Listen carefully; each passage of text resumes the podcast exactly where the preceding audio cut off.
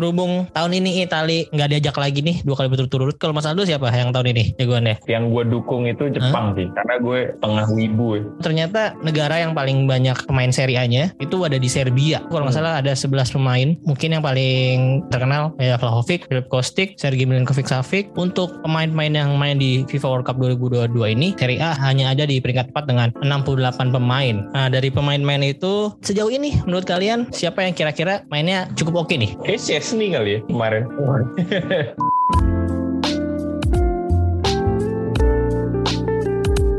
Halo selamat pagi, siang, sore, malam. Kembali lagi di Interisme Podcast Podcast yang bahas berita-berita seputar Inter Yang dikutip dari sosial media dan portal-portal berita olahraga.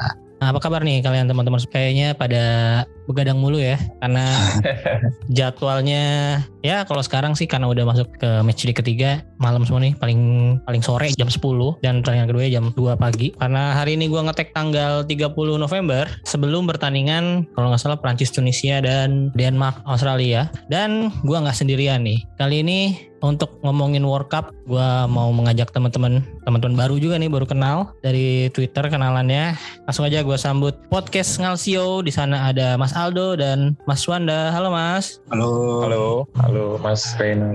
Apa kabar Mas? Semua podcast. Ya, halo. Baik. Mas Aldo baik, Mas Wanda gimana? Alhamdulillah baik juga. Piala Dunia nonton semua nggak nih tandingan? Apa yang malam-malam skip?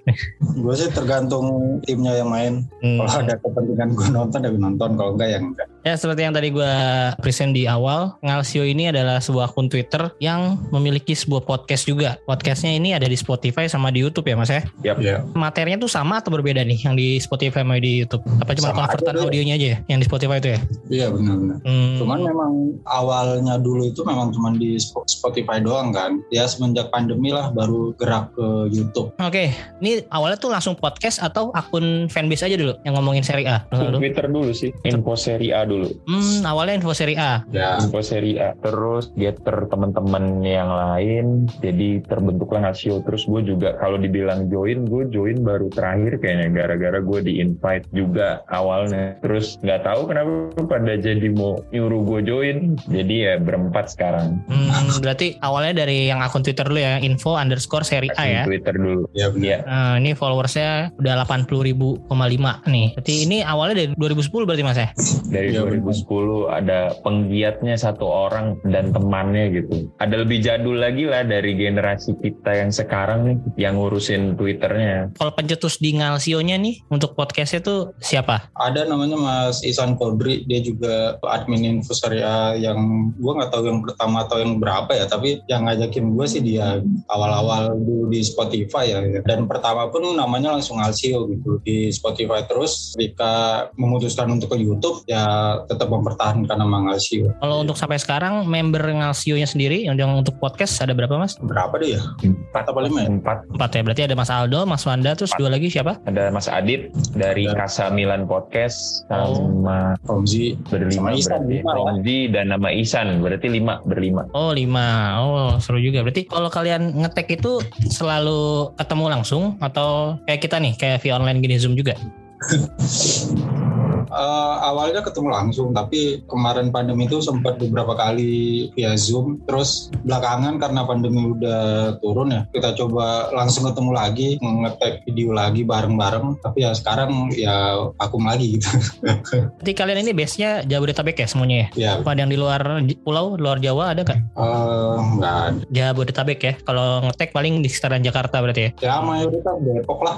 Oh Depok. Terus Depok. Gua doang yang bukan Depok.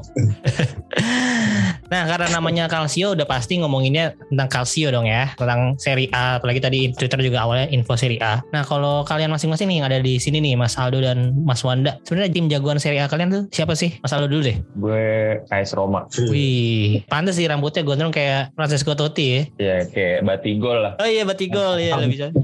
Kalau Totti agak blonde blonde. Kalau Mas Wanda apa nih Mas? Uh, gue Inter. Wih, temen gue berarti Mas Wanda. Interisti ya. Sedulur, sedulur. Yo, i. Kalau Hmm. boleh tahu masing-masing dari kapan nih mulai ngefans? Kalau Mas Aldo dari kapan nama Roma? Dari musim 99-2000 sih kalau gue. Pertama kali nonton Roma. Masih kecil gitu gara-gara ngeliat Totti. Ini orang jago banget. Ya udahlah gue ngefans aja sama Roma. Kebetulan tahun depannya langsung Scudetto. Iya, langsung itu ya. Oke, berarti yang bikin jatuh cinta Francisco Totti ya. Iya Totti. Kalau Mas Wanda, mulai kapan Mas? Yang waktu Inter gagal Scudetto tuh yang lawan Lazio terakhir yang kalah Hmm. 4-2. Yang Gresco ya. Ya. Kenapa Gresco ya? Berarti Nah, itu sangat membekas lah ya buat gue walaupun kalah gitu apalagi ketika ngelihat Ronaldo nangis di bench itu kayak menimbulkan rasa empati lah. Terutama Ronaldo ya karena Ronaldo-nya nangis. Terus belakangan ya udah makin ah udahlah Inter aja gitu. Apalagi ditambah dengan datangnya Alvaro Recoba. Ini pemain menurut gue sih gila ya dengan tenan ke kanan kiri. Dia bisa Ya, pokoknya terus- Recoba debut kan langsung golin. Golin dua kalau nggak salah ya. Lawan Brescia kok kayaknya hmm. Nah, itu jadi pemain kesukaan gue juga nih Alvaro Recoba. Kalau yang bikin jatuh cinta berarti Recoba apa Ronaldonya nih? Kalau Mas Wanda? yang bikin jatuh cinta sebenarnya sih si Rekoba ya karena eh, yang bener-bener bikin kayak kita lupa nih ada di klub lain itu ada siapa ada siapa gitu kayak tadi eh, Aldo bilang Totti gue juga awalnya suka Totti tapi di Inter ada Rekoba ya udah tinggal kasarnya dia ngambil ancang-ancang pun kita udah kayak mau bangkit dari tempat duduk gitu untuk ngerayain gol semagis itu sih Rekoba menurut gue Oke, nah berarti gue udah tahu nih sekarang Mas Aldo nih fans Roma, Mas Wanda fans Inter sama kayak gue. Nah kalau kan udah kita sebut tadi di awal juga lagi musim Piala Dunia nih, yang pas kita ngetek aja nih, bentar lagi setengah jam lagi bakal mulai lagi pertandingan match D3. Nah sampai ke match D3 ini, gimana World Cup 2022 yang sekarang nih? Kalau menurut Mas Aldo dulu deh. World Cup menurut gue sekarang sih lebih startingnya mungkin gak begitu seru ya karena terlalu banyak konflik dan juga berada di tengah-tengah liga. Jadi apa ya tidak ditunggu-tunggu gitu. Jadi kayak pengen buru-buru selesai sebenarnya. Tapi at the end ketika World Cup sudah berjalan gue malah suka sih. Karena tidak semua tim auto lolos gitu. Jadi butuh match day ketiga nih untuk lolos. Itu yang seru. Dan sisi kejutnya juga tim-tim Asia kan mendulang poin. Nggak cuma jadi apa ya basian doang di World Cup itu sih yang bikin seru. Hmm, iya. Yang baru lolos di match day kedua cuman Perancis sama Portugal doang ya kalau nggak salah. Apa Sama berarti sama Brazil. Brazil sama Brazil? Tiga ya? Deal. Iya. Mm. Oke, kalau menurut Mas Aldo gimana nih? Kalau secara pertandingan, uh, apakah pertandingan-pertandingan sekarang lebih seru dari World Cup yang sebelum-sebelumnya? Karena banyak banget di match di awal tuh yang kosong-kosong skornya. Eh, Mas? iya sih sebenarnya banyak yang kosong-kosong tapi karena kebetulan gue itu nonton yang tim Asia jadi menurut gue seru sih kebetulan yang kosong-kosong gak gue tonton jadi Hmm. ya dilindungi Tuhan kali nggak usah nonton gitu yang gue malah nonton Arab Jepang Iran itu malah gongnya Piala Dunia menurut gue yang lain sih nggak penting jadinya Iya, iya. Ya kalau Mas Wanda gimana? Beda nggak? Kalau dari penyelenggaranya kan kita tahu sendiri di Qatar, negara Timur Tengah pertama yang menjadi tuan rumah. Terus banyak banget kan di sana ada peraturan segala macem. Nah, untuk penontonnya pun nggak boleh katanya nggak boleh baju terbuka, terus nggak boleh eh, cewek cowok tuh di, eh, maksudnya nggak boleh pelukan segala macem. Nah ini kan beda banget sama Piala Dunia Piala Dunia yang udah kita tonton sebelum sebelumnya nih. Nah hal-hal yang kayak gitu tuh bikin atmosfernya atau vibesnya tuh jadi nggak seru nggak sih? Kalau gua bilang sih lebih malah jadi seru ya, karena ini kan jadi perbedaan tersendiri di gelaran Piala Dunia dan eh, ya mungkin secara nggak langsung pembelajaran juga lah buat fans-fans terutama yang Eropa ya yang biasa apa ya dengan kebebasan mereka gitu. Sekarang di Qatar ya mereka nggak bisa seenaknya mereka karena ada peraturan ya berhubung Qatarnya juga negara Islam, peraturannya juga saklek juga di sana. Jadi menurut gua sih dengan perbedaan ini harusnya sih lebih menarik ya. Dan kelihatan lah ketika ya untungnya fans-fans di luar negeri itu ketika datang ke Qatar ya walaupun ada mungkin ada penolakan ya kayak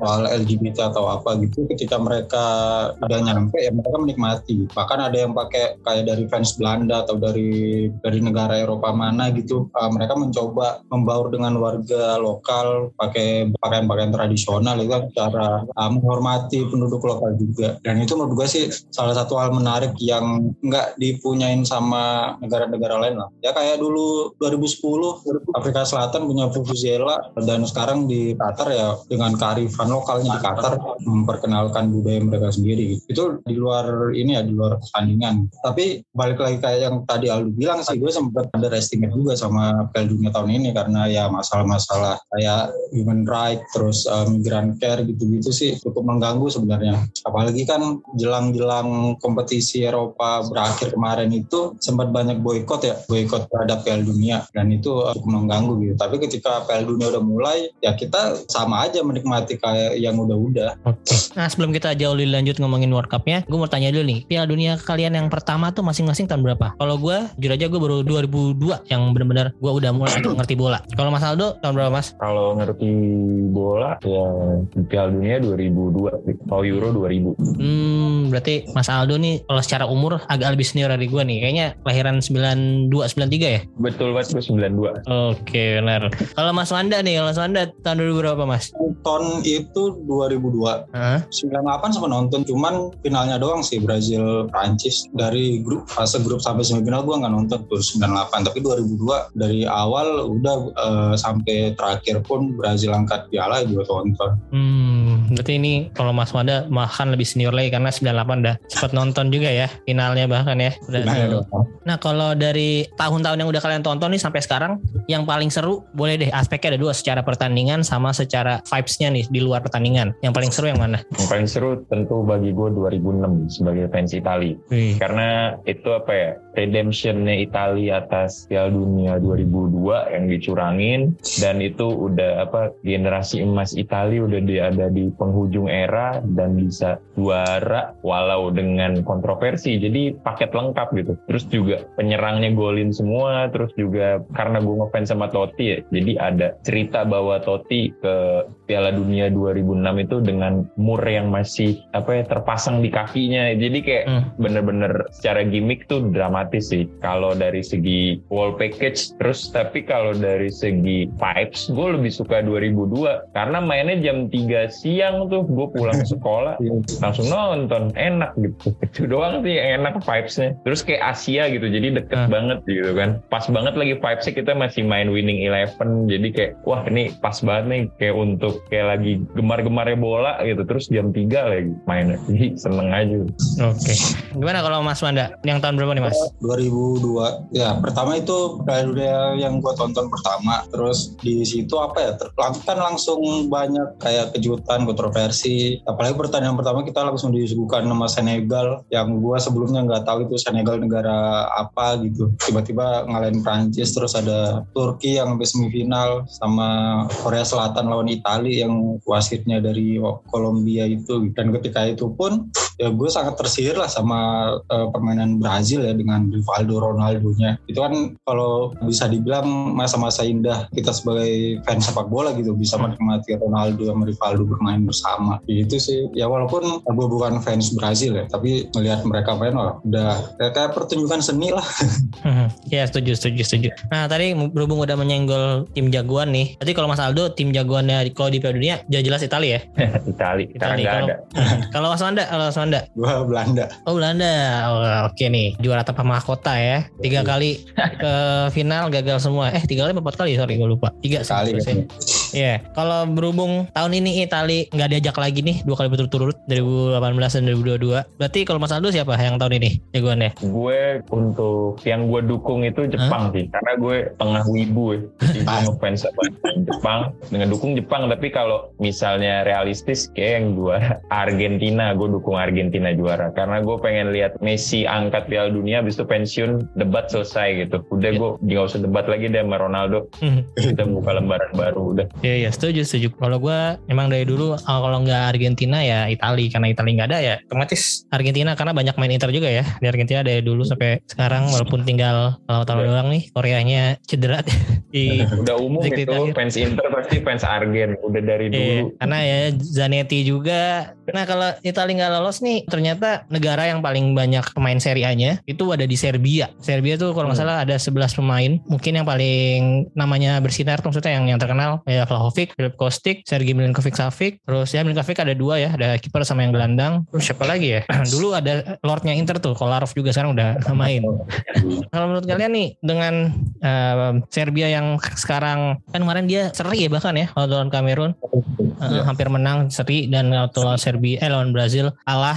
Ini emang level mereka segitu aja atau seharusnya mereka bisa lebih nih karena dari main-main menurut gue bagus si Serbia ini. Ya mestinya bisa melangkah lebih jauh sih, nggak cuma satu poin doang menurut gue. Kan sekarang dia baru ngumpulin satu poin doang kan. Tapi itulah sepak bola kemarin kemarin mereka apa ya salah satu pertandingan terbaik World Cup kan lawan Kamerun. Kamerun. yang itu mereka udah aim untuk menang tapi belum kejadian aja tapi ini masih bisa bisa lolos kan asal beberapa syarat menang dan Swissnya kalah kayak gitu gitulah gue masih berharap bisa lolos sih Serbia karena secara materi udah bagus tapi ada isu juga kan ada isu bahwa yang baru tuh isu Vlahovic ya Wan ya? Hmm. Iya iya. Kenapa tuh Iya, Mas Wanda? Flavic itu. Serong. Vlahovic main Oh, serong Pantesan dia jarang di jadi starter ya. Gak pernah bahkan ya. Lo, lo lihat di berita-berita nggak tahu sih valid atau enggak intinya tapi dia itu ya diterpa isu lah internal jadi nggak full power mungkin nggak fokus ya semoga lebih baik aja sih Hmm. untuk Serbia Iya iya, pantesan dia dua pertandingan gak pernah starter yang main malah si Mitrovic atau Petkovic gitu. Gua lupa dia. Ya, gue mikirnya juga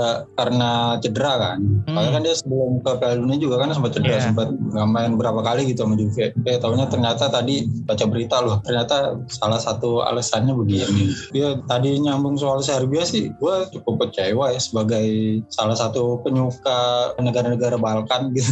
Karena ya tadi Serbia secara squad nggak kekurangan apa-apa lah. Mereka pemain eh, semuanya di level atas semua gitu. Mayoritas di Serie A dan kita kenal juga gitu kan. Terus pelatihnya juga legend gitu, si Dragan Stojkovic. Mereka kalah lawan Brazil oke lah karena ya level Brazil udah beda. Tapi imbang lawan Kamerun setelah unggul 3-1 itu kayak terkesan ya Serbia levelnya ya cuma segitu doang. Padahal dari segi pemain squad mereka nggak kekurangan apa-apa. Setuju setuju. Karena bahkan di World Cup qualifier mereka tuh jadi juara grup di atas Portugal ya si Serbia Iya. ini. Nah, jadi lolos otomatis tanpa playoff lagi tuh kemarin. Hmm. Dan ngalahin Portugal di ini juga di kandang Portugal juga gitu kan.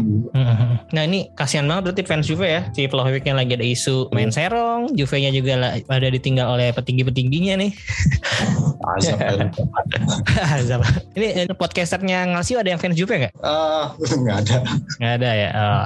Oke. Nah nih kalau gue baca dari footballstripitalia.net, eh, tadi seperti gue bilang tadi negara yang paling banyak main Serie A-nya itu ada Serbia. Terus di bawahnya ada Polandia yang akan eh, main lawan Argentina jam dini hari nanti ya. Dia ada 9 orang bahkan harusnya 10 kalau si Dragoski nggak patah kakinya. Terus di bawahnya ada Argentina eh, bahkan bisa lebih kalau si Nico Gonzalez sama Korea juga nggak cedera. Terus eh, Kroasia 4, Kamerun 4, Belanda 4, Brazil 3, Prancis 3, Uruguay 3. Jadi ya mayoritas sih tim-tim yang ini lah ya, yang unggulan dan tim-tim kuda hitam nih yang banyak main Serie A yang main di Dunia kali ini. Oke, kalau dari eh, ini situs statista.com untuk pemain-pemain yang main di FIFA World Cup 2022 ini, liga yang paling banyak penyumbang pemainnya itu ya tetap pasti Premier League dengan 136 pemain, La Liga 83, Bundesliga 76 dan Serie A hanya ada di peringkat 4 dengan 68 pemain. Nah, dari pemain-pemain itu sejauh ini menurut kalian siapa yang kira-kira mainnya cukup oke nih? Siapa ya pemain Serie A yang oke? Kayaknya kayak Chesney kali ya Chesney kemarin. Kalau nggak ada Chesney mungkin udah kalah kalau gitu. Pas lawan Arab ya? Arab kan ya? Iya. Chesney itu karena gue sering nonton dia waktu di Roma ya. Hmm. dan juga di ya Juve lah ngikutin beritanya. Dia itu kiper yang bikin Alisson jadi cadangan Iya. dan Buffon jadi cadangan. Kurang sakti apa lagi gitu kan. Nah lo lihat dia tuh pas lagi lawan Arab itu itu itu hebat sekali sih di luar itu emang Chesney mainnya bagus lah kalau untuk main di timnas itu Hmm. doang yang tiba-tiba immediately timbul di kepala gue siapa yang bagus udah Chesney Iya sih, ya sejauh ini karena sebagai fans Inter pasti gue akan nonton terus negara-negara ada main Internya. Gue udah nonton Dumfries, ya elah di Euro dia bagus, di sekarang Piala Dunia beda 2 tahun doang. Mungkin gue nggak tahu karena kebawa dari mainnya di Inter kali ya. Jadi bapuk kalau menurut gue. Terus Martinez, ya walaupun di pertandingan pertama lawan Arab dia mencetak gol, walaupun dianulir ya golnya itu. Tapi sampai pertandingan kedua kemarin masih kurang sih, entah itu udah panggung atau gimana ya. Karena Piala Dunia pertamanya ya si Martinez ini. Kalau Mas Wanda siapa nih Mas yang cukup oke mainnya nih? Kalau main Inter ada nggak? Atau eh, main lain deh? Main lain ini sih si duo Juventus ya Alexandro sama Danilo karena kan mereka ya di Juve ya biasa aja gitu Hmm. cuma ya mas-mas biasa bahkan jadi salah satu sasaran olok-olokan Juventus inilah Hmm. tapi ketika sama timnas Brazil malah tidak tergantikan mainnya. Jadi bagus banget. Si Danilo kalau nggak cedera juga kemarin lawan yang kedua ya langsung pasti main. Dan Alexandro pun ya dengan kapasitas dia sekarang yang udah mulai menurun ternyata di Brazil masih bisa bagus. Meneruskan inilah kalau kata orang main di klub jelek tapi main di timnas bagus. Itu sih kalau yang kepikiran di gua ya si Alexandro sama Danilo sih. Mm-hmm. soalnya kan mereka udah gua Danilo kurang tahu deh. Kalau Alexandro kan udah cukup tua ya 30 kayaknya deh. Tapi ternyata masih oke okay banget gitu di timnas. Itu benar-benar di luar prediksi lah. Keren bakal cuma jadi cadangan ternyata jadi tumpuan juga. Ya Brazil juga walaupun dia punya back-back yang bagus kayak Bremer terus Eder Militao ternyata mereka lebih percaya sama pemain-pemain senior ya. Jadi formasi awalnya tuh kalau nggak salah. Daniel kanan terus Thiago Silva Marquinhos kirinya si Alexandro. Jadi main-main senior semua tuh. Oke. Okay. tadi ngomong-ngomong Juventus juga ternyata Juventus jadi tim Serie A yang paling banyak mengirimkan pemain ya dengan 11 pemain. Inter ada 7 harusnya jadi 6 karena Korea cedera. Kalau Roma tuh ngirimin berapa Mas Aldo? Aku lupa dikit intinya. Dybala hmm. Dybala Zalewski Polandia. Udah itu doang yang kepikiran siapa lagi ya? Apa nggak salah ada 4 deh 4 atau 5 tapi gue lupa. Si Temi Abraham di bawah nggak sih? cedera ya dia? Abraham nggak di bawah. Kiper lo Patricio. Oh iya itu Oh iya di Patricio Portugal. Hmm. Cuma cadangan. Iya cadangan. Nah menurut kalian nih dengan kan Juve paling banyak, Inter ya sosok lah, Roma 4. Nah itu menguntungkan bagi tim yang yang banyak apa yang sedikit justru nih kalau untuk karena ini kan e, di tengah-tengah liga ya World Cup-nya nih. Nah itu menguntungkan ke yang lebih dikit apa lebih banyak menurut Mas Wanda? Lebih dikit lah. Makanya gue sebagai fans Inter cukup bersyukur ya. Ya maksudnya cuma segelintir pemain lah yang dipanggil dan kemarin terakhir Onana cabut juga gue seneng aja gitu. selain karena ya bukan fan agak terlalu interest sama Cameron juga setelah itu pensiun sekarang ketika Onana cabut pun ya sangat bersyukur lah apalagi kan ntar jeda setelah Piala Dunia ke kompetisi juga kan berapa ya seminggu doang ya kayaknya deh ya itu cukup yeah uh, menguntungkan lah. Bahkan melihat Inter yang masih kurang konsisten lah ya di liga gitu. Ya gue sih berdoa tim-tim yang punya pemain Internya ya inilah cepat-cepat tot. Kecuali Belanda ya, kecuali Belanda. Iya. Belanda udah final dah. kalau Mas Aldo gimana nih? Karena Roma cuma 4. Kalau menurut lo itu menguntungkan apa enggak ya? Karena kan kalau misalnya nggak ikut World Cup kan berarti mereka ya paling cuma latihan-latihan aja atau nanti bahkan ada tandingan uji coba ya di Desember mungkin.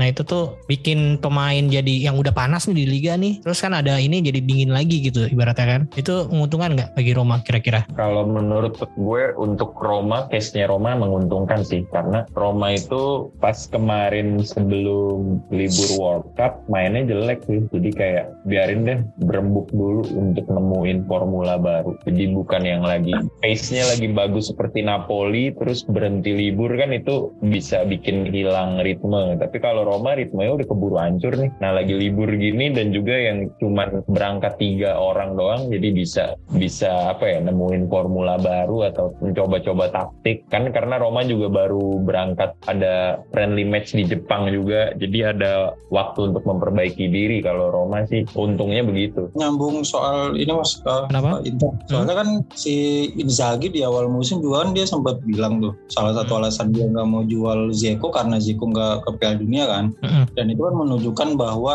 Piala Dunia tahun ini memang sangat mengganggu kompetisi gitu, sangat mengganggu keutuhan klub dan pertimbangan Inzaghi itu sangat ini sih menurut gua uh, sangat masuk akal dan sangat bijaksana lah melihat skuad dia sekarang gitu. Karena kan di awal musim kan sempat beredar kabar Zico bakal dilepas ya karena hmm. udah main Lukaku sama Dybala dan ternyata si Zico-nya di keep alasannya itu sesederhana itu dan menunjukkan bahwa memang semakin sedikit pemain ke Piala Dunia semakin bagus untuk klub. Oke. Okay. Terus tadi kan Mas Wanda udah menyinggung sedikit tentang uh, Onana ya. Onana kita ketahui dari berita-berita di pertandingan kemarin di match D2 dia dicoret dari tim. Itu gue nggak tahu nih dicoret secara di match itu doang atau seluruhnya nih. Karena dia ada masih ada match D3 nih. Dia bakal langsung cabut lolos nggak lolos atau dia hanya di match kemarin. Karena kemarin kan pelatihnya yang bilang karena Onana ini terlalu agresif dan tidak tradisional. Nah, kalau menurut Mas Wanda sebagai fans fans Inter gimana nih? Lihat Onana kemarin di match day pertama cukup oke menurut gue ya lawan si Swiss itu banyak save save dan ya memang karena Swissnya juga tangan agak agak rendah makanya Onana bisa sampai maju-maju di depan back Hmm. kan ada meme-nya ada fotonya tuh. Menurut Mas Wanda gimana keputusan pelatih Kamerun si Rigobert Song? gue apa ya, terlalu berlebihan ya soalnya kan ini soal gaya permainan gitu apalagi Hmm. kiper ya kecuali kalau selain kiper ya mungkin oke lah karena kalau selain kiper kan berpengaruh ke permainan tim secara keseluruhan gitu. Kalau kiper kan nggak nggak terlalu. Ini entah si Onananya yang terlalu egois atau memang Rigobert Songnya yang ya katakanlah sama-sama egois ya tapi kayaknya egoisnya pemain sama pelatih kalau urusannya tentang gaya bermain yang terlalu kiper modern gitu gua bilang sih terlalu berlebihan ya sampai dicoret. Ya sekalipun udah sama-sama apa ya sama-sama sepakat lah untuk udah deh gue mundur gitu. Tapi gue lihat sih sebagai fans gue sih nggak nggak otak gue nggak nyampe lah untuk eh, apa memahami ale- alasan itu. Kayaknya kayaknya sih ada alasan lain entah dari eh, federasi atau dari mana gue nggak ngerti. Tapi kalau soal gaya permainan Onana mau ikut terlibat bermain kayak yang dia lakukan selama ini karena itu kan sebenarnya kan gaya bermain Onana udah lama kayak gitu ya. Hmm. sejak dia di Ajax sekarang di Inter juga semakin diakomodir gitu sama gaya permainan Inter. Tapi kenapa baru sekarang dia diiniin gitu sama pelatihnya sama sama Song kenapa baru diganggu soal gaya bermainnya sekarang? Kan si Rigobert Songnya kalau nggak salah di sejak apa ya sejak Piala Afrika kayaknya udah dia deh. Tapi kan itu isu itu kan nggak ada isunya baru ada sekarang bahkan setelah pertandingan pertama gitu ke mana aja selama ini? Maksud gue gitu kenapa baru sekarang diributin? Padahal kan Onana mainnya udah udah lama kayak gitu kenapa baru sekarang? Iya iya setuju sih. Harusnya dari awal aja nggak usah dibawa sekalian ya. iya benar Itu kemarin juga si Onana udah eh tadi ya kalau nggak salah udah nge-tweet di Instagram sama di Twitternya kalau dia ya menghormati keputusan federasi atau keputusan orang-orang yang in charge ya yang eh, memiliki kuasa. Ya jadi dia legowo aja dan tetap mendukung timnasnya lah. Terus ya gua nggak tahu itu bener-bener karena yang Spil bilang tadi ya kita kan nggak tahu sebenarnya kayak gimana apakah karena permainannya atau jangan-jangan dia kayak main timnas Wakanda ya yang diem-diem ke klub makanya dia dicoret sama pelatihnya.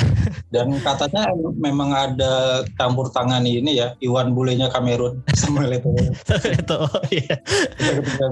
Kamerun eh, sama Leto katanya sih ada campur tangannya itu gitu sampai bikin Onana ah, ya udahlah gue lepas aja deh gitu. Iya padahal kalau menurut Eto'o prediksinya juara Piala Dunia tahun ini ya Kamerun itu. Iya lawannya Maroko lagi di final.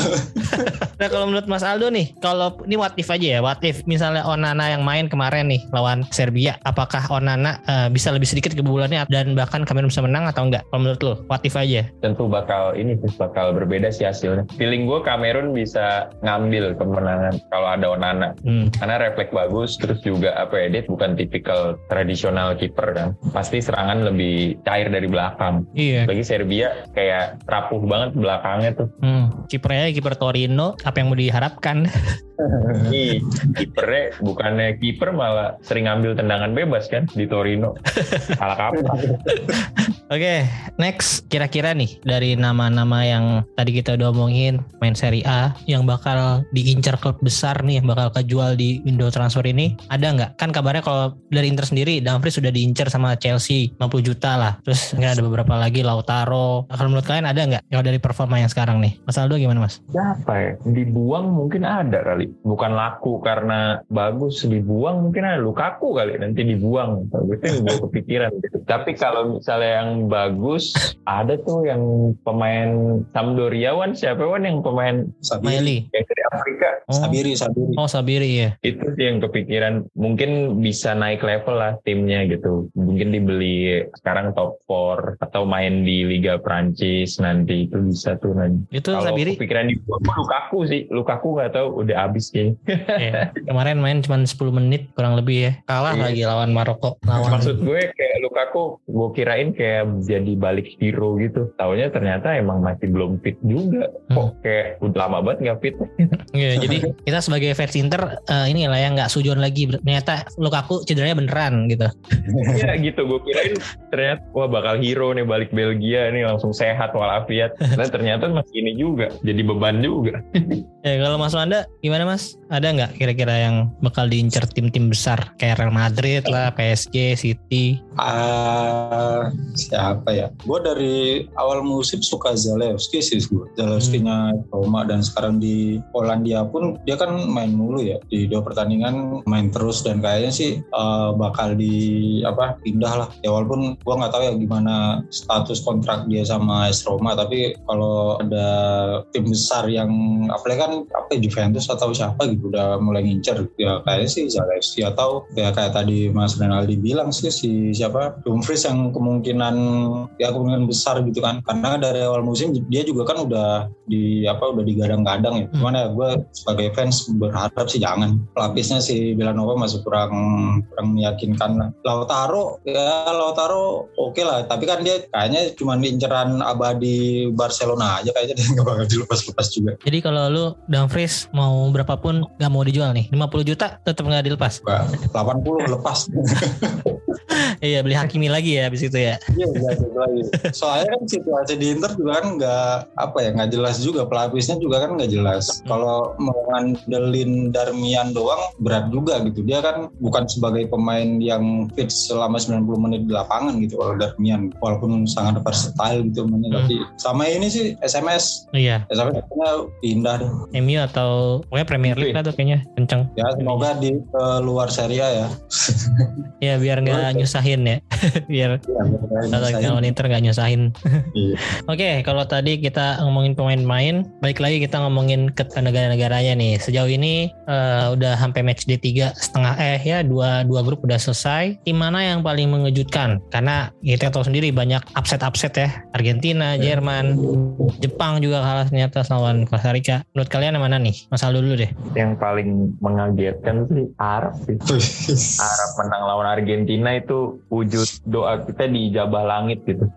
nah, maksudnya apa ya? Kita kita tahu 2002 Arab dibantai 8-0. Jadi kayak gue tuh nobar di kantor soalnya. Jadi hmm. kayak aduh berapa gol nih Messi nih? Messi hat trick kali ini, double hmm. hat trick kali. Terus ternyata pelatihnya Arab bukan sembarang beliau kan. Ternyata gua oh ternyata dia menang sama Pantai Gading sama Zambia kalau nggak salah baca ya. Hmm. Dan bawa Maroko pertama kali ke Tunisia atau Maroko ke Piala Dunia gitu. Ternyata memang jadi gue nonton 25 menit setelah penalti yang soft itu menurut hmm. gue terus kok Arab nih terjebak offside mulu gitu ini apa kebetulan apa Lautaro-nya kekencengan gitu kan. Soalnya depannya ngebut semua tuh. Yeah. wah ternyata yeah. emang emang sapnya pada lurus emang udah biasa sap lurus gitu.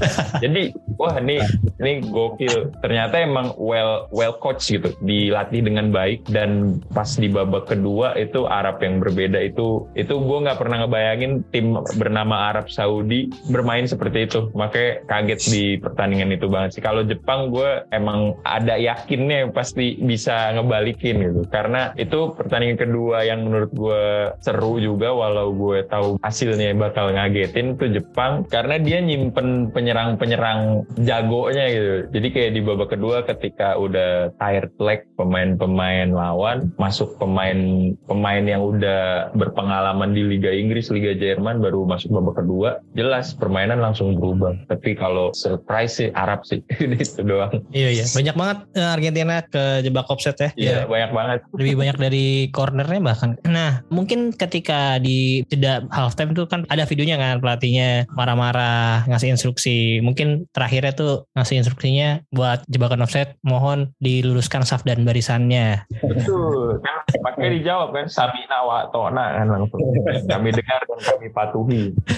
Oke, kalau Mas Wanda sendiri uh, siapa nih? Di mana? Yang mengejutkan dalam arti negatif ya, gue hmm. Belgia. Pertama Belgia itu ini tim udah habis dari di semua lini udah habis lah. Lo masih ngandelin Vertonghen sama Alderweireld di belakang itu menunjukkan bahwa pelatih-pelatih kardus lah si siapa Martinez. Martinez. Ya, terus di, di depan masih ngandelin Baswai padahal ada Leonard apa Leandro Trossard di Brighton yang lagi gacor. Itu ya menurut gua bener-bener nggak apa ya bener-bener mengejutkan. Ya udah Belgia siap-siap ini lagi lah ke masa-masa jahiliyah lagi. Karena kan sekarang generasi emasnya De, iya. De Bruyne Lukaku segala macam kan udah udah 30 tahunan ya. yang baru ini kan nggak ada yang nongol cuman Charles De Ketelaere juga kurang lah. Dia juga nggak pernah dimainin kayaknya di Piala Dunia terus di Milan juga cadangan gitu kan. Ya itu sih yang negatifnya ya. Mm-hmm. kalau yang positifnya gue tadinya mau jawab Arab Saudi tapi ketika mereka lawan Polandia kebalik ke setelan pabrik nih ternyata. Hmm. Jadi ya gue harus memilih Maroko sih. Maroko menurut gue gila sih karena di peran pertama kan tahan imbang Kroasia gitu. Hmm. finalis gitu di Rusia terus Hmm. pemainnya juga masih di era emas semua gitu kan ya kecuali mungkin Modric ya yang udah ini by the way gue baru tahu Kroasia masih ada Marko Livaja Golin lah yang kemarin ya.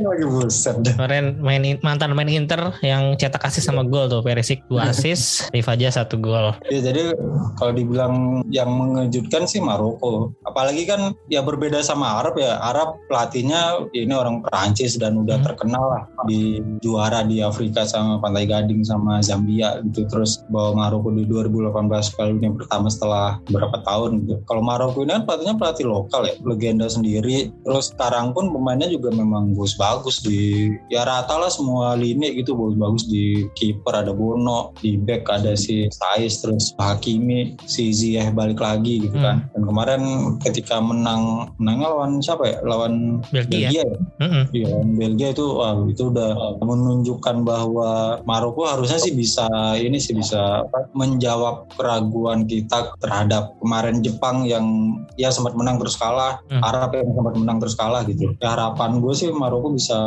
lolos lah ke enam besar biar nggak anti klimaks kayak Arab sama Jepang. Ya, setuju, setuju. Maroko tinggal lawan Kanada, Kanada ya. Dan Kanada pun udah nggak ada asa untuk lolos, jadi Nggak harusnya sih Maroko lebih fight nih mainnya. Bisa, iya benar. Iya. Nah, kalau gitu kan sekarang udah match di ketiga nih. Sebenarnya kalau dari awal turnamen ini dimulai, pertandingan yang paling kalian pengen tonton tuh pertandingan mana ya? Apakah USA lawan Iran Nah, atau itu atau yang, kema- yang kemarin kan semalam ya? Atau Ya. Jerman Spanyol atau bahkan ini nih Uruguay Ghana yang banyak kontroversi di 2010 ya? Mas Wando yang mana? Iran, Iran Amerika karena memang ya ini negara kan ya musuh bebuyutan lah di luar sepak bola kan Hmm. yang memang sangat menantikan apalagi kan ya grupnya ini kayak Iran ini dikepung blok barat banget kan Hmm. Amerika terus sama Inggris Wales yang eh, tetanggaan itu gitu jadi grup yang panasnya luar dalam lah Hmm. itu sih sama apa ya sama kemarin Jerman Jepang juga gue sangat apa ya cukup eh, bikin penasaran karena Jepang kan banyak pemain di Bundesliga dan ternyata sangat luar biasanya Jepang bisa menang. Throwback inilah ya, throwback Italia Korea Selatan. Kalau Mas Aldo yang mana Mas? Tandingan mana yang sebenarnya di nanti-nanti atau ditunggu-tunggu untuk ditonton? Ya sama sih sama Wanda. Gue gue nunggu banget. Walau akhirnya nggak jadi nonton tuh Iran sama USA kan. Itu ya dari segi geopolitiknya sih yang seru. Jadi itu bukan not just about football doang. Hmm. Bahwa ya quote unquote tuh jihad lo juga dilakukan gitu kan. Kalau untuk Iran, apalagi lawan negara yang manggil football itu soccer. Jadi kayak dua kali tuh Nah. jihadnya kan ibaratnya. Nah yang kedua gue sama persis sama Jepang Jerman karena gue ada percaya diri waktu Jepang bisa menang lawan Jerman udah itu aja sih Hmm, hmm. tunggu-tunggu banget Kalau Ghana sama Uruguay enggak nih? Kan itu ada intrik kita pengen bahas dendam lah. Ghana juga sekarang kemarin lagi bagus Hmm. eh, menang lawan Korea Selatan. Terus Uruguay sekarang cuma satu poin ya kalau nggak salah ya. Seri lawan ini doang ya. Eh, Korsel ya. Heeh. Nah ini Suarez masih ada.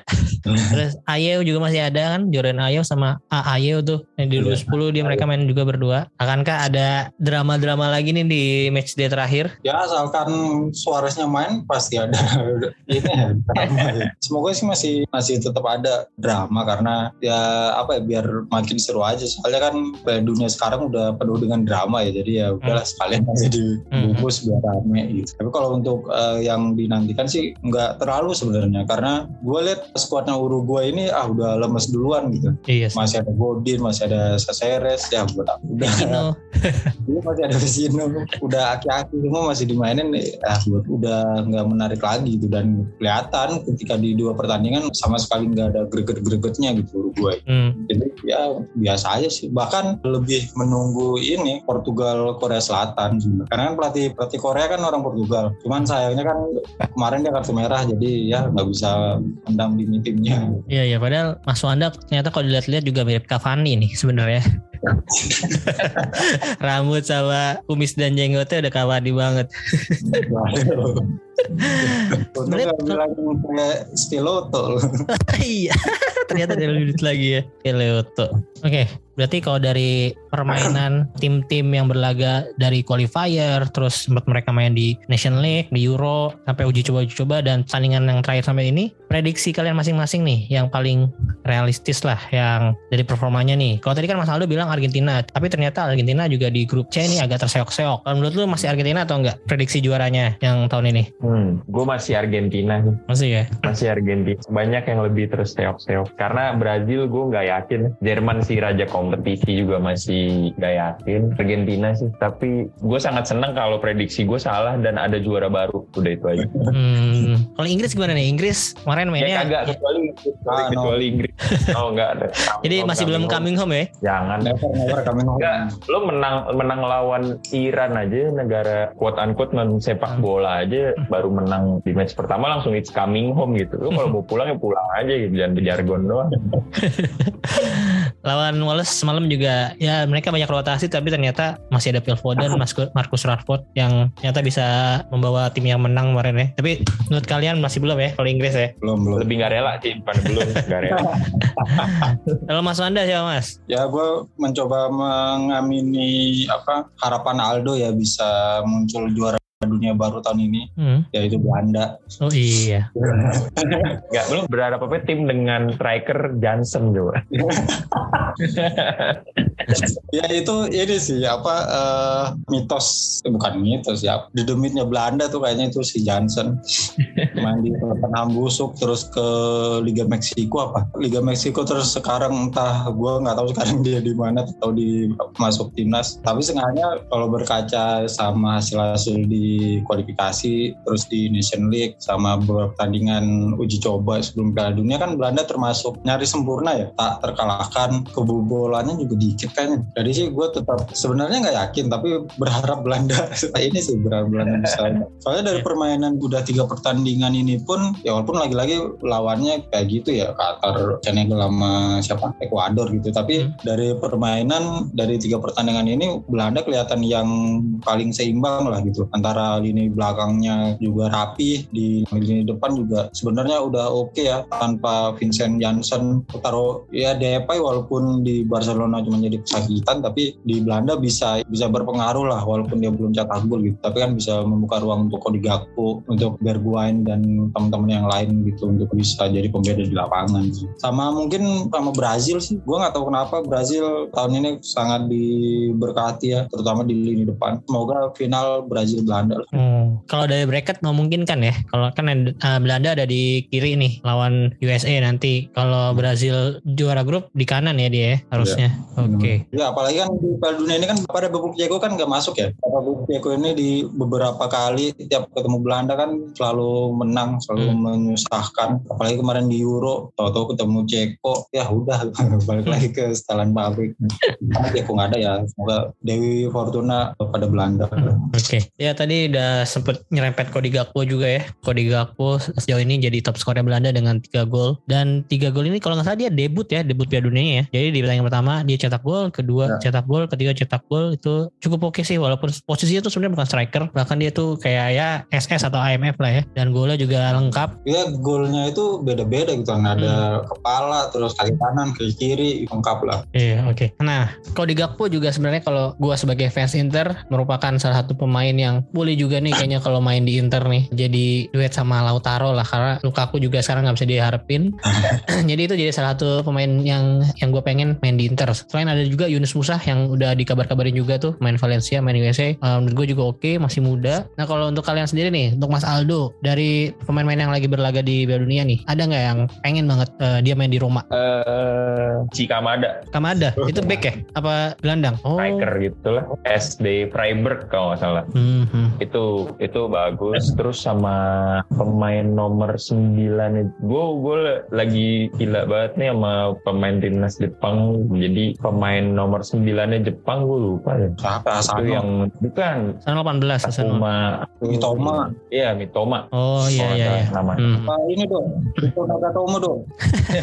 ya jangan dong Naga Mas jadi sama kapten nih. teman sendiri aja nggak dioper Sama sama Biapiani. Bia Biani aja nggak dioper iya namanya iya Kaoru Mitoma. Itu lebih kayak apa ya? Eh karena eh, personal aja sih. Kayak keren gitu loh striker nomor 9 lalu disimpan buat buat apa babak kedua. Dan juga emang main bagus kan di Brighton. Hmm. Ya, itu sih. Karena Roma lagi kurang banget tuh pemain-pemain ngedobrak sama Mourinho. Ujung-ujungnya nunggu dibukain pintu dulu baru masuk. Tipikal permainannya Mourinho. Iya sih. Berarti pengen mengembalikan, maksudnya bukan mengembalikan sih, pengen ada penerusnya Hidotoshi Nakata ya berarti ya, main-main Iya, Jepang di bener. Roma. juga biar marketnya meluas ke Asia Oh iya, gitu Hah, iya iya. Kalau Mas Wanda nih, siapa Mas? Untuk di Inter nih kira-kira yang cocok. Tadi tuh Yunus Musa, Hmm. gue beberapa kali nonton Valencia memang cuman pengen lihat dia doang. Sebenarnya bukan karena permainannya, karena namanya aja keren, gitu. orang Amerika tapi namanya Musa.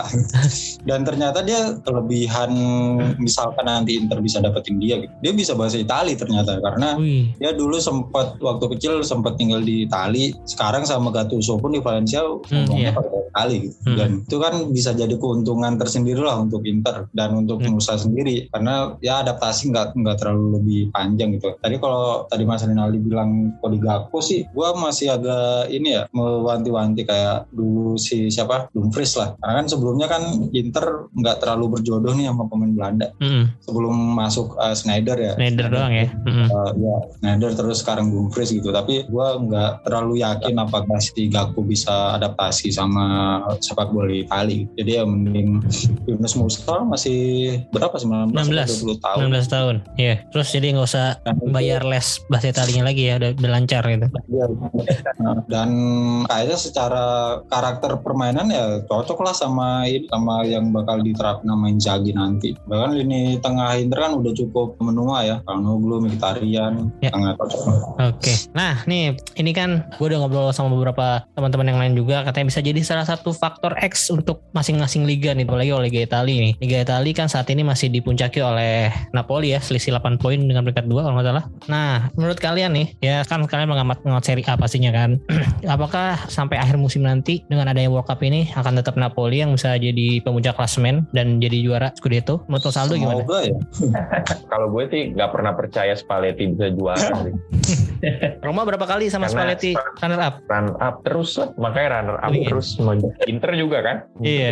Dia spesialis gitu runner up. Dia emang apa napasnya panjang di awal akhir-akhir kan pasti menurun. Itu aja sih. Kepercayaan gue gue udah ngeliat Spalletti dari dulu. Pasti ada turunnya lah. Tinggal gimana rival-rivalnya nge-capture kesempatan itu. Karena nggak bisa nggak bisa deh Spalletti. Emang Napoli yang sekarang sangat impresif ya. Ini buku bukannya iri hati ya. Hmm. sangat impresif. Tapi tapi kelama kelamaan tidak seimpresif itu pasti ada antidotnya untuk mengalahkan Napoli kita tunggu aja lah Januari Februari Spalletti biasanya udah sadar tuh bahwa dia tidak bisa menangkan apa-apa gitu dia bangun dari mimpi gitu. Jadi kalau menurut lu di mana nih? Ya kita walaupun ini masih agak awal ya karena belum bergulir juga. Paruh musim aja belum kan. Nah menurut lu di mana yang kira-kira bisa jadi juara Serie A musim ini? Oke, kalau misalnya Napoli kepleset, gue vote Inter Scudetto sih. Asal Inzaghi-nya mau belajar terus ya. Itu aja sih. Karena akhir-akhir ini Inzaghi kayak evolve ya. Berubah lah. Ah, Jangan berhenti untuk berubah lah Inzaghi. Lo harus sadar apa kapasitas lo tuh. Lo sebagai pemain dulu cuman cadangan mati. Pelatih juga pelatih Lazio. Ya lo sadar diri lo sekarang megang Inter lo harus banyak belajar gitu. Jangan apa keras kepala gitu. Kalau berarti lu nggak pede nih sama Roma. Padahal Roma bisa ngalahin Inter loh 3-1. Eh, kalau Roma sih paling juaranya Europa League aja deh. Kayak DNA Eropa kan Mourinho. Step by step ya. Musim lalu Conference League, tahun ini Europa League, musim depan ya insya Allah UCL lah gitu.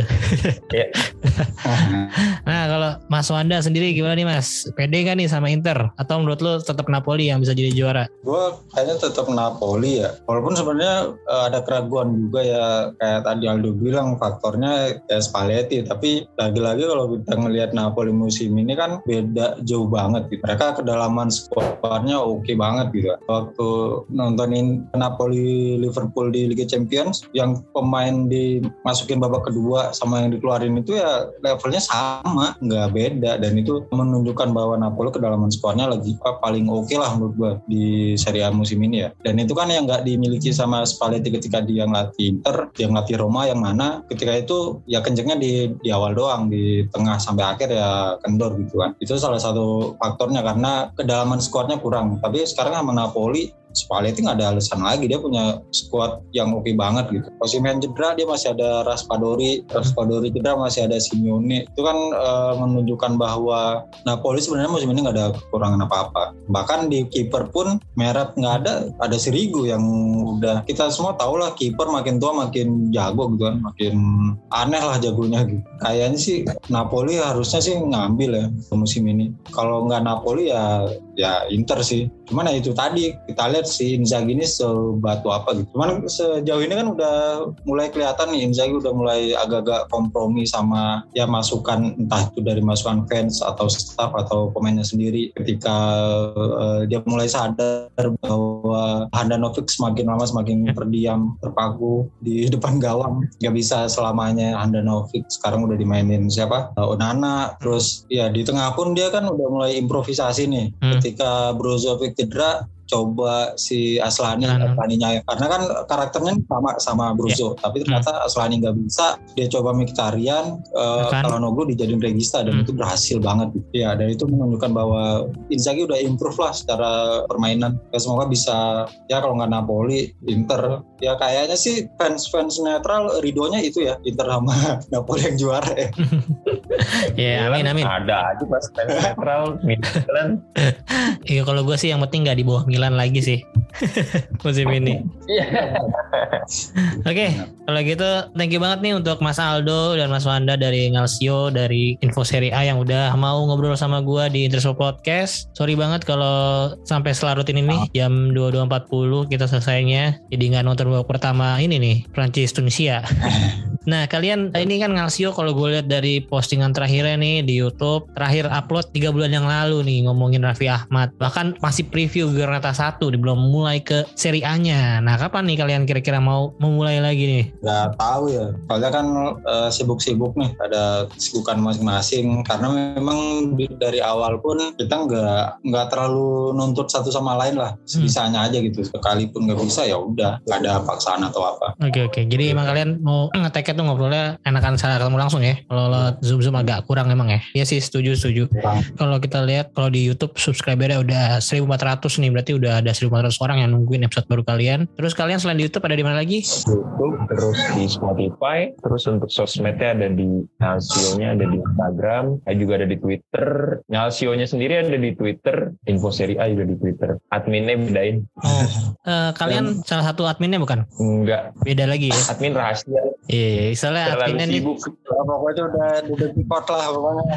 Iya, iya, iya, iya. Ya udah kalau gitu salam untuk uh, teman-teman yang nggak bisa hadir di sini nih, Mas Adit sama Mas siapa? Dua lagi? Tromsi yeah. sama Isan. Iya, iya. Ya, ya pokoknya sih selama YouTube kita belum ini lagi, kita usahakan di ini sih di space Twitter kan dia tiap lang match di itu kan minggu malam dia kan selalu space kan. Kan hmm. sekarang ya karena liga berhenti ya kita juga stop dulu. Oh, jadi sure. penggantinya itu langsung ya live ya di Twitter biasanya sebelum Giornata mulai lah ya pokoknya ya di tiap minggu. Ini kalian-kalian yang ngisi berarti ya? Ya kita kita juga. Oke kalau gitu sekali lagi terima kasih ya Mas ya untuk kalian teman-teman yang belum follow info seri A silahkan langsung di follow di Twitter, Instagram, Ngalsio juga. Kalian kalau fans seri A, fans Inter belum afdol lah kalau belum follow akun ini. Dan yeah. kalian juga jangan lupa follow akun sosial media gue. Kalau di Twitter ada Interisme Media, kalau di Instagram Interisme Podcast. Kalian bisa dengerin podcast-podcast gue di Spotify, di Noise juga bisa, di Pogo FM bisa, terserah kalian mau dengerin di mana. Kalau dari Mas Aldo sama Mas Wanda nih ada uh, pesan-pesan atau harapan gak nih buat fans-fans seri A lah? Kalau gue sih pesannya jangan baper aja untuk fans-fans yang ya misalkan lagi jadi sasaran bully gitu ya nikmatin aja lah. Klub lo juga manajemen gak peduli sama lo kok. Jadi ya udah biasa aja gitu jangan. Soalnya kan ya kita udah sama-sama tahu lah ya. Kita udah sama-sama tahu, kita udah sama-sama ya cukup dewasa lah ya. Dewasa cukup kenyang lah, uh, cukup kenyang sama sepak bola. Udah bukan waktunya lagi lu untuk baper gitu ketika klub lu di ya diledekin, disindir hmm. atau ya di troll. Ya kalau di troll ya troll balik aja. Hmm, setuju. Gimana gimana. mas Aldo ada tambahan gak mas? Ya tetap semangat nonton seri A walau makin semakin menua, makin susah nonton dini hari. Tapi bagi muslim kan emang baik tuh sholat di sepertiga malam ya kan. Ya mantap, setuju setuju. ini Serie A ini sejalan. Sejalan dengan yang Tidak kita yakin agama ya. ya kayak tetap stay in line gitu kan. Selesai juga sebelum azan subuh kan biasanya. Pas.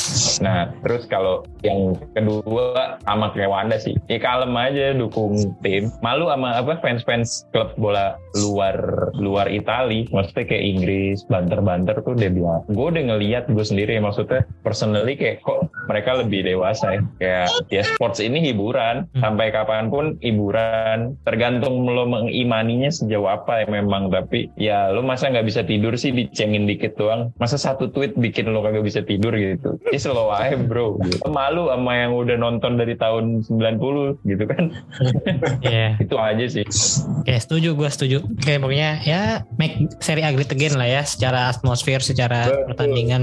Jadi ya kita di sini kan berkomunitas ya kalian punya komunitas pencinta seri A, gue juga sebagai pencinta Inter juga ya ingin meng, apa ya gathering teman-teman yang fans Inter kadang-kadang kan gue ajak untuk ngobrol juga agar em, apa ya po- bukan populasi apa sih namanya bahasanya ya pokoknya fans-fans seri A tambah banyak lah intinya. Betul. Amin amin ya. Biar disiarin lagi di TV nasional Amin, amin. Amin. Yaudah, sekali lagi terima kasih untuk teman-teman yang udah mendengarkan. Arrivederci, Forza Inter. Forza Inter.